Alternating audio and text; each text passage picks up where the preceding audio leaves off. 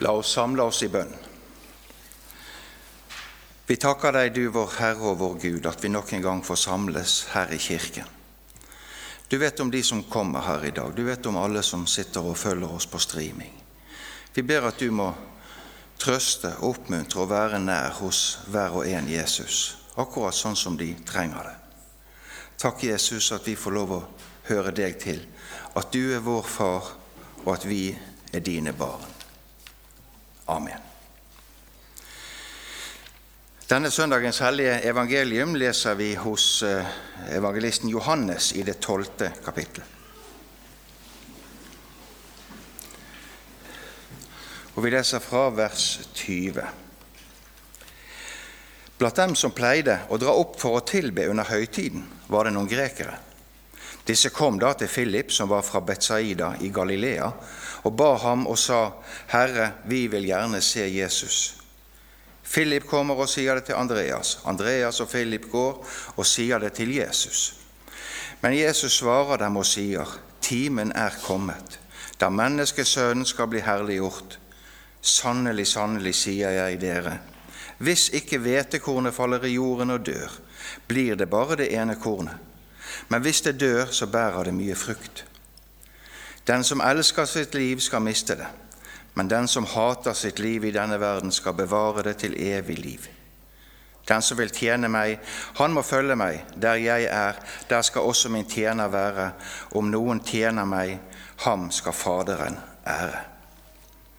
Dette var ordene, Hellige Far, hellige oss i sannheten. Ditt ord er sannhet. Amen. Nå er det jo altså sånn at det er familiemøte i dag. Og da har vi et møte som er særlig lagt opp med tanke på barna. Så vi gjør sånn som vi pleier. altså Hvis barna har tør og vil og kan osv., så, så må de gjerne komme og sitte her foran. Det er i hvert fall veldig kjekt. Sånn, skal vi se. Er det, er det lyd nå, sånn at det går an å høre?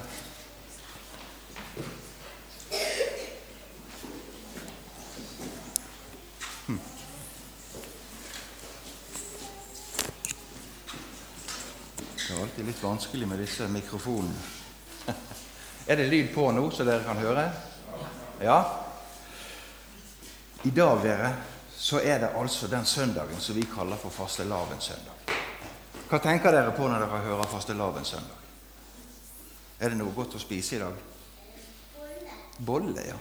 ja. Fastelavnsbolle. En sånn god bolle med krem i. sant? Dere har lagd allerede. Det er kjempeflott. Og Skal vi se denne ledningen her, den plager meg. Fastelavn. Det betyr at vi har kvelden før faste. Ja, dere vet jeg må ha et sånt ark med meg her, sånn at det ikke går helt i surr for meg. I morgen er det også et litt rart navn på dagen. Den heter Blåmandag. Og på tirsdag er det Feitetirsdag. Og så er det Askeonsdag. Det er noen rare navn på disse dagene. Men de har sin grunn og historie, men det behøver ikke vi gå inn på akkurat i dag. Men vi går altså inn i dag inn i fastetiden. Og Det betydde i hvert fall i gamle dager at man skulle spise mye mindre, kanskje ikke spise noe i det hele tatt, på flere dager. Og det var til minne om dette, at Jesus fastet i 40 dager og 40 netter før han ble prøvd av djevelen.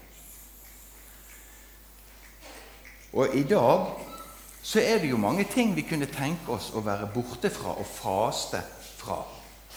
F.eks. TV eller PC eller Er det noen som klarer å holde seg 40 dager uten barne-TV? Hadde du klart det? Ja, kjempeflott, altså. Da må jeg si du er flink. Noen spiser litt mindre, og det hadde ikke skadet, kanskje i hvert fall for noen av oss. Og Denne historien vi hører om i dag, det er altså grekere som kommer til Jerusalem. Grekere. Og hva ville disse grekerne? Hva sier de til disiplene? Vi vil gjerne se Jesus. Vi vil gjerne se Jesus. Og kanskje siden de kom denne lange veien, så hadde de hørt om Jesus. Jesus har jo nå hatt sin tjeneste, som det heter, i tre år. Over tre år. Og kanskje ryktet hadde gått helt opp til Hellas, til Grekenland, der som disse kom fra. Og Når vi leser denne historien i Bibelen, så må vi huske på noen ting. At i verden så finnes det mange slags historier. Det finnes eventyr, det har dere sikkert hørt. Det finnes fabler og skrøner. Og til og med i Bibelen så leser vi om lignelser, sånne eksempelfortellinger. Men det som vi hører her i dag, det er ikke noe sånt.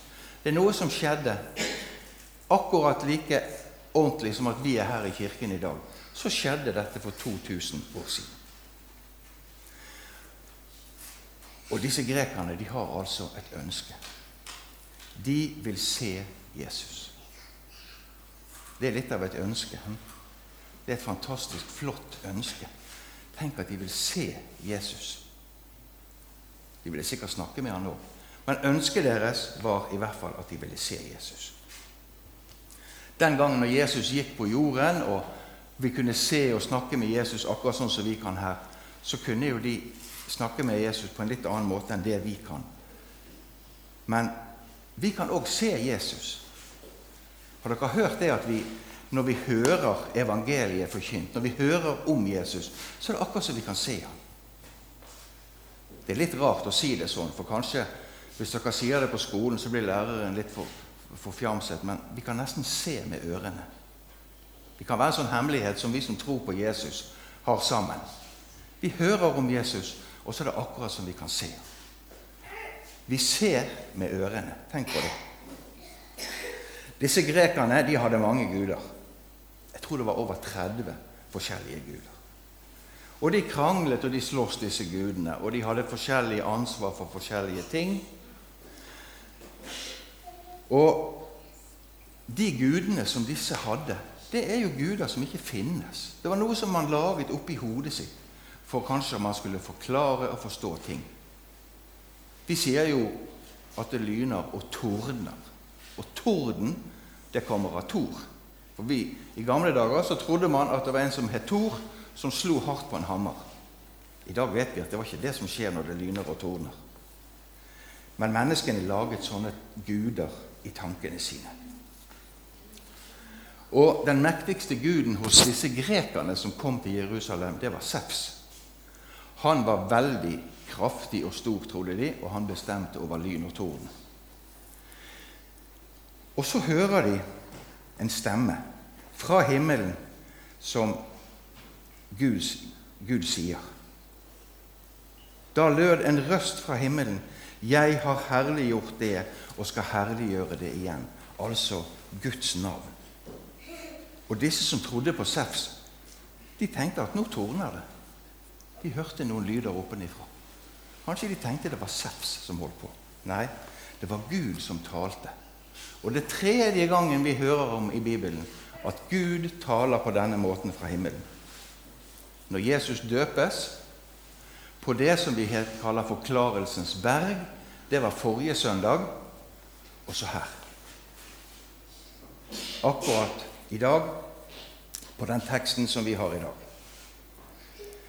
Det er akkurat som at når Gud gjør noe stort, noe viktig, noe som han liksom vil si sånn ordentlig, så kommer det en stemme ned fra himmelen som menneskene kan høre.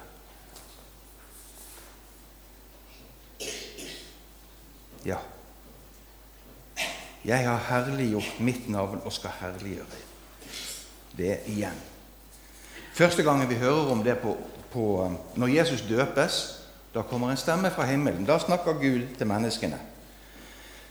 Og så er det når, eh, når disiplene, sånn som vi hørte forrige søndag, er på Forklarelsens berg, da fikk de òg høre Guds stemme.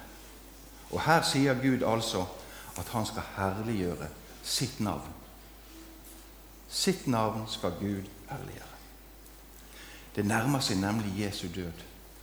Og slik er det at navnet skal herliggjøres.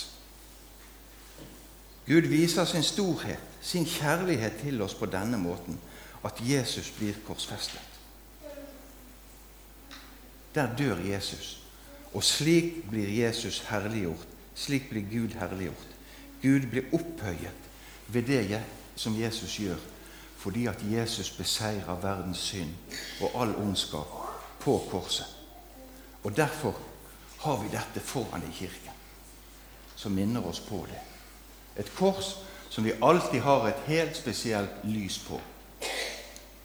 Og Da tenkte jeg kanskje at vi sammen kunne si det som vi kaller for Den lille Bibel. Og hvorfor kaller vi det for Den lille Bibel? Det er liksom fordi at i ett eneste vers i Bibelen så er omtrent hele Bibelen samlet. Og det kaller vi for Johannes 3 Vi kaller ikke det for Johannes, det er Johannes 3, 16. Skal vi prøve å si det sammen, både barn og voksne? For så høy har Gud elsket verden, at han ga sin sønn den enbårne for at hver den som tror på ham, ikke skal gå fortapt, men har evig liv.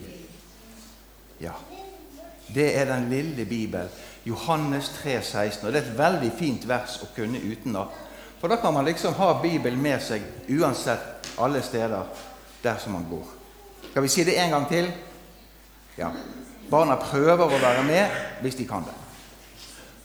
For så høyt har Gud elsket verden, at han ga sin sønn den enbårne, for at hver den som tror på ham, ikke skal få tapt, men har evig liv. Kjempeflott. Og ved middagen i dag så kan dere helt sikkert ta det om igjen. Og Når Jesus henger der på korset, så sier han dette at det er fullbrakt. Alt det han kom for å gjøre, det har han nå betalt når han henger på korset, sånn som vi minnes om her i kirken. Det fyller oss med takknemlighet og glede, samtidig som vi sørger over våre synder. Og Det er litt veldig spesielt med det å være en kristen og tro på Jesus. At gleden og sorgen de er liksom sammen hele tiden. Det er ikke noe kjekt å se at et menneske henger sånn på den måten der og har det veldig vondt. Men vi takker Gud for dette. For korset er liksom sentrum i det som vi tror på. Og Sånn er det med disse grekerne. Når Jesus skal svare på det spørsmålet, at de vil gjerne se Jesus, så får ikke de noe svar. F.eks. at ja, jeg kan se dem klokken fire, da har jeg litt ledig tid. Sånn som vi kan gjøre. Nei. Eller i morgen. Eller nei, jeg vil ikke se disse her grekerne. De kan reise hjem igjen.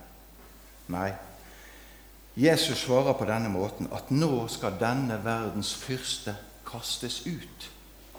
Denne verdens fyrste. Den onde, han som vi kaller djevelen, den slemmeste av alt og alle.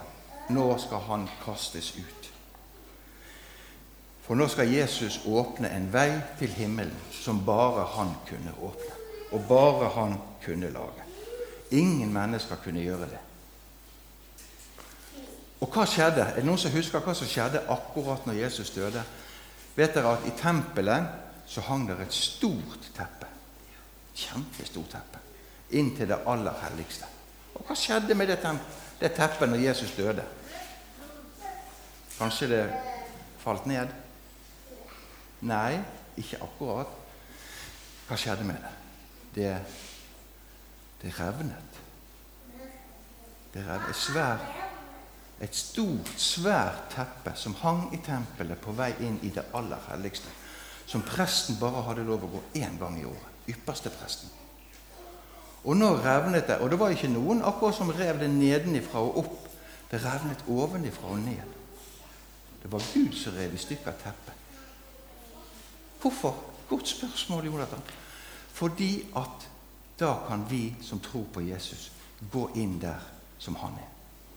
Nå er ikke det bare presten én gang i året som skal gå inn. Nå kan vi gå inn og være hos Jesus og sammen med Jesus hver dag, enten vi er i kirken, vi leser aftenbønn eller andre ting. Og Jesus, han vant en kamp på korset for oss. Sånn at vi som tror på Jesus, vi kan komme til himmelen, komme til Jesus og være hos ham alltid. Og det var ingen jevn kamp. Jesus var helt overlegen. Det var, ikke, det, det var ikke fare for at det skulle bli uavgjort engang. Jesus han vant og seiret over den onde med at han gjorde dette for oss. På langfredag. Og så er ikke det slutten på historien. De fleste historier vil jo slutte sånn når helten dør. Sånn. Da er det slutt. Da er kinofilmen ferdig, da kan vi gå hjem. Nei, det slutter ikke der. For etter tre dager, hva skjer da? Jesus står opp igjen fra de døde. Han seirer over døden og vinner den vanskelige og tunge kampen som intet menneske kan klare.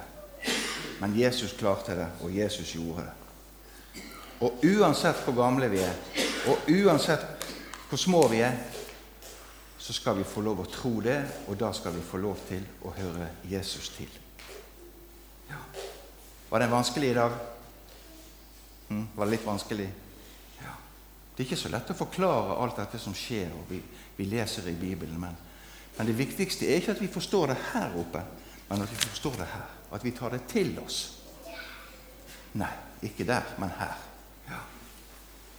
Er, det, er, det, noen som lurer på noe av dette som vi har sagt i dag? Det, det, er ikke, det er ikke så lett for voksne å forstå heller alt det som vi leser i Bibelen. Men vi får lov å tro det. Ja. Skal vi be sammen? Kjære Jesus, vi takker deg for at vi får lov å være dine barn. Enten vi er små eller store, voksne eller gamle, så får vi lov å høre det til Jesus. Takk at du ser oss, takk at du passer på oss. Og så ber vi at du må bevare oss gjennom dagen, gjennom livet, sånn at vi alltid hører deg til. I Jesu navn. Amen. Ja.